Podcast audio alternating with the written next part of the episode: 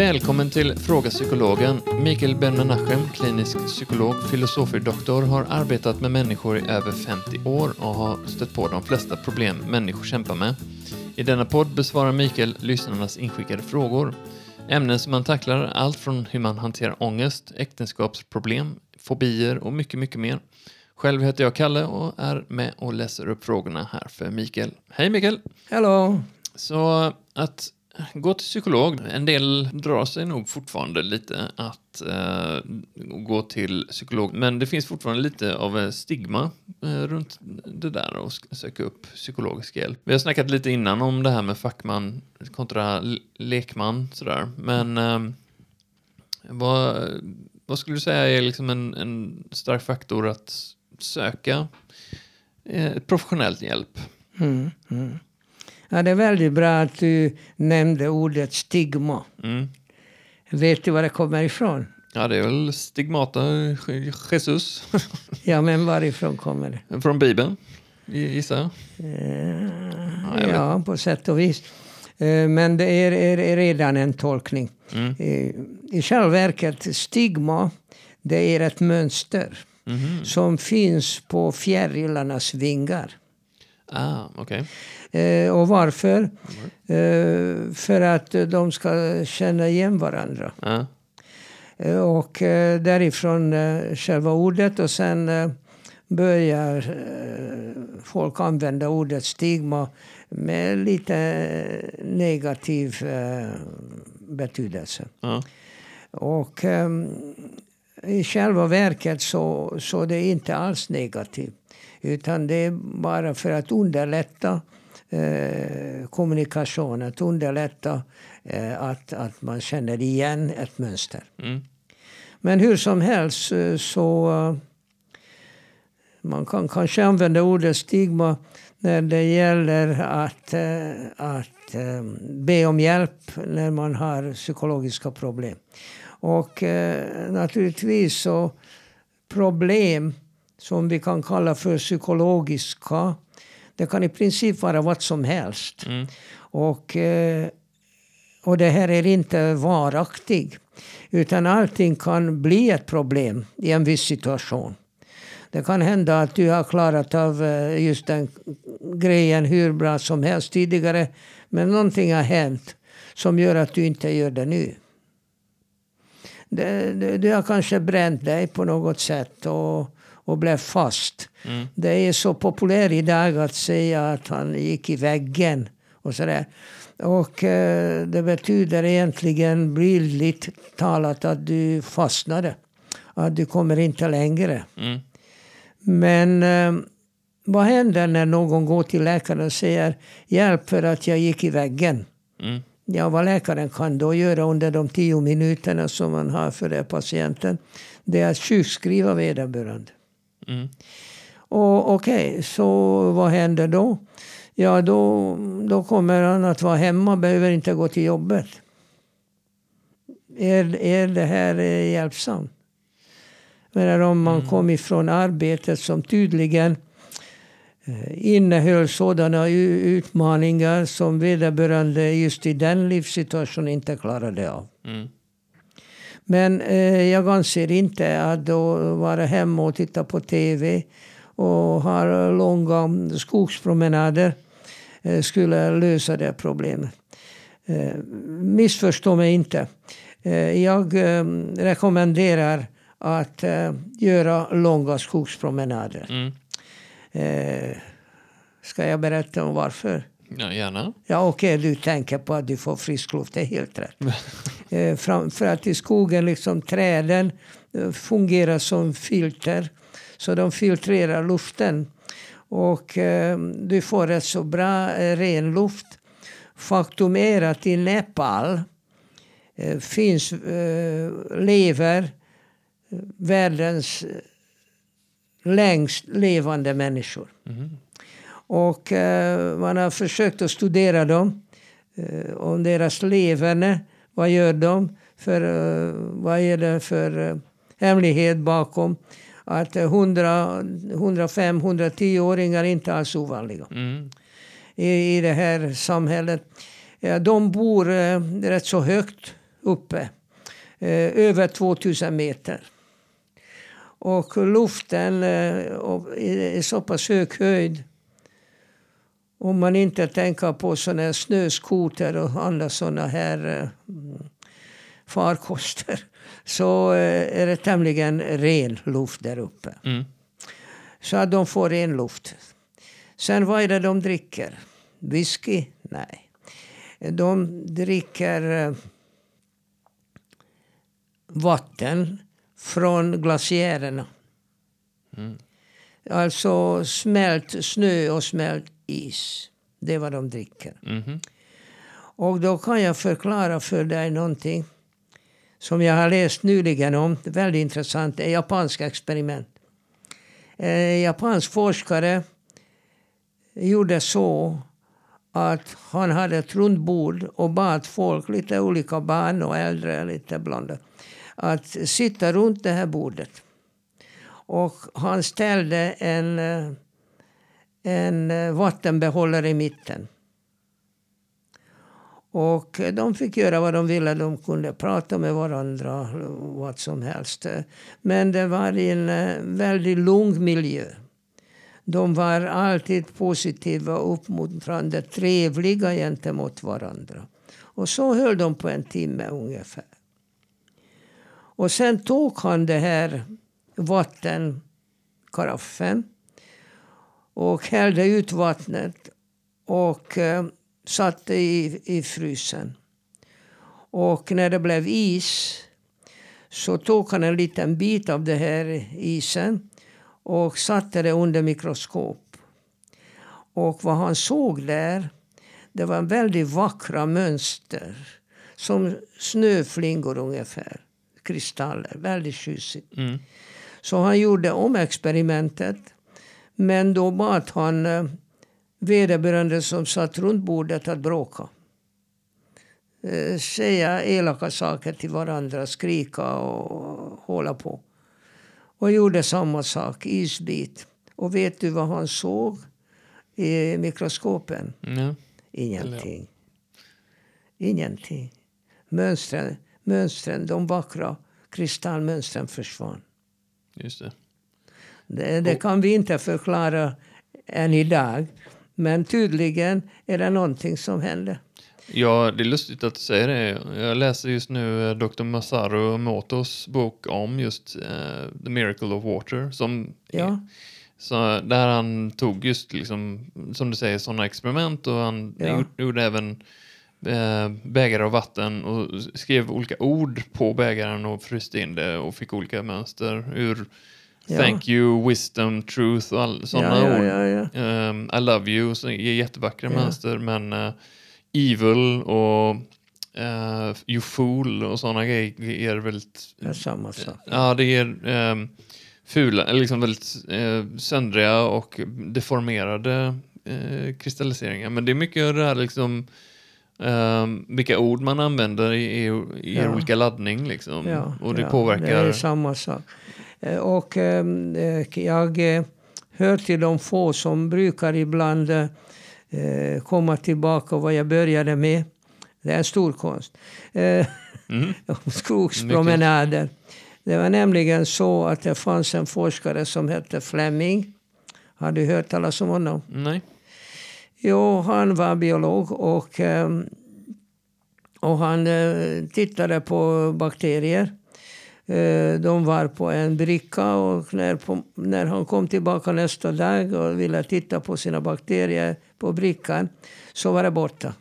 Mm. Och han fattade inte vad som har hänt och eh, började också titta i mikroskop. Det visade sig att det var svampar eh, som Ta koll på de här bakterierna.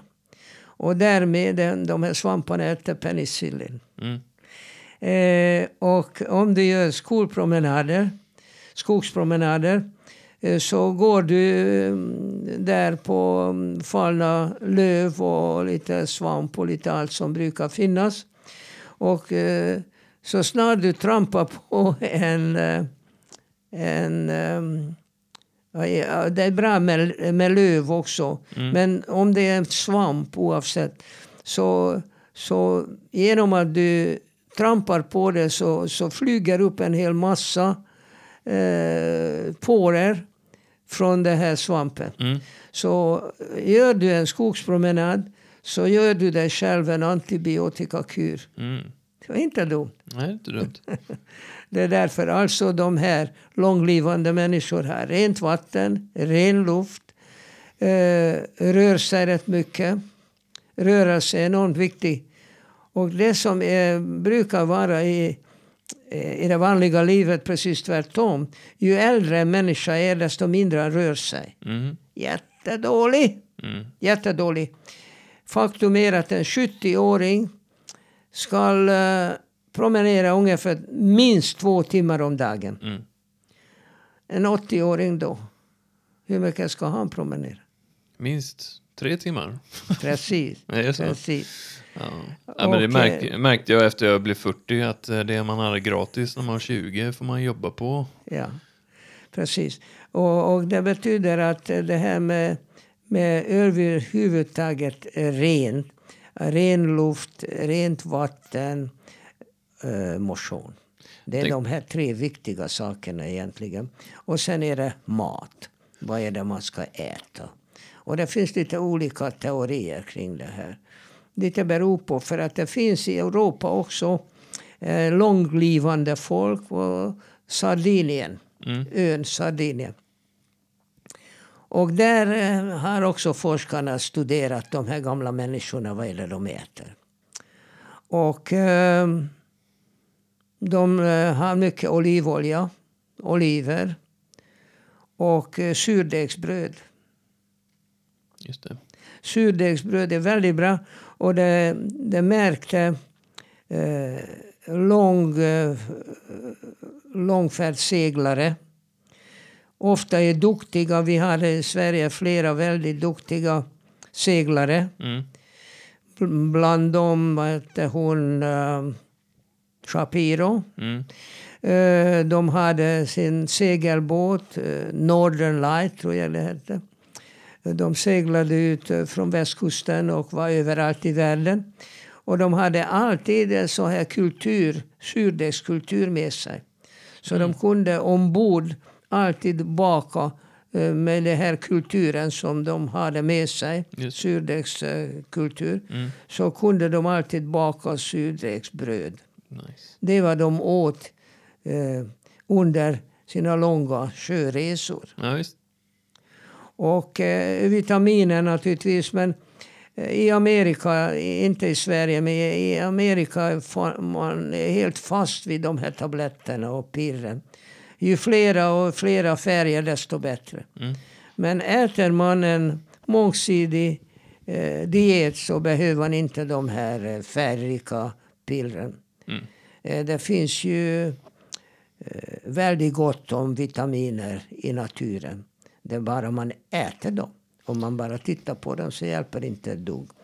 Eh, Så den enda ungerska nobelpristagaren är eh, professor Sanjörji. Och har just fått nobelpriset för C-vitamin Mhm. en gång i tiden, jag tror det var 30-talet. Men eh, hur som helst, eh, han eh, arbetade med vitaminer i London. Eh, och då använde han citrusfrukt och det visste man från gamla sjöfarare när de fick, eh, vad heter det, skorbut. Eh, alltså eh, eh, avsaknaden av C-vitamin. Skörbjugg. Ja, just det. Och det är väldigt många sjömän eh, råkade illa ut på långa sjöresor när de inte fått eh, färsk frukt. Framförallt citrusfrukt. Mm. Så att professor Sanjördi arbetade också med citrus, citrusfrukt i London. Men när han kom tillbaka till sitt hemland Ungern så fanns inga citroner och eh, apelsiner. Då försökte han eh, titta på lite andra eh, grönsaker och se om han har hittat C-vitamin. Och det gjorde han. Och faktum är, vet du vilken grönsak som hade mest C-vitamin? Oj då. Ja, bra fråga. Jag vet inte. Grönkål kanske? Ja, det är också lite faktiskt. Mm. Men mest är var paprika. Paprika. Och därför lever vi i Sverige mycket friskare idag Mm. än för... eh, Ja, jag kom till Sverige för eh, nästan 60 år sedan. Och, och jag letade efter paprika. Mm. Eh, För att jag växte upp på det. Det fanns Ja, inte. Ja. Folk visste inte vad jag pratade om. Nej. Idag kan du köpa paprika i snabb, eh, Ja, bensinmacken och snabbbutiken Ja. överallt. Eh, Folk har lärt sig att man kan få en bra eh, vitamin, eh, C-vitamintillskott bara äter en paprika. Mm.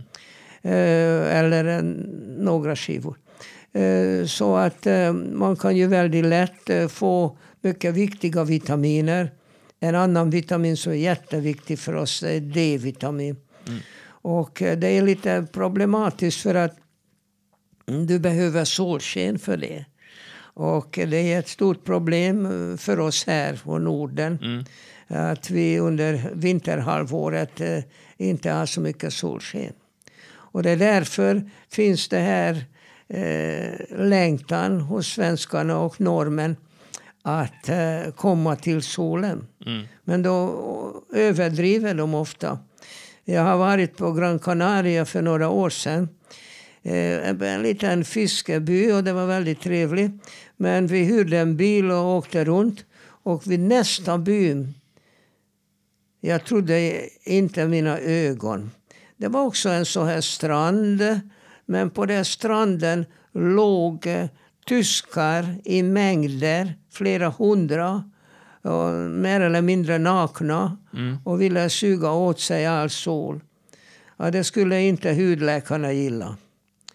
Och inte de heller, så många av dem har säkert fått eh, hudåkommor. Tror det- Alltså, som du brukar säga, Kalle, lagom är bäst. Ja, fast det där med, ja, hela den historien undrar jag verkligen. Vi har ju gått i liksom hundratusen år eh, under solen sådär och helt plötsligt nu är solen jätteskadlig. Jag tror de här kemikalierna vi, vi smetar på vår hud är en större faktor.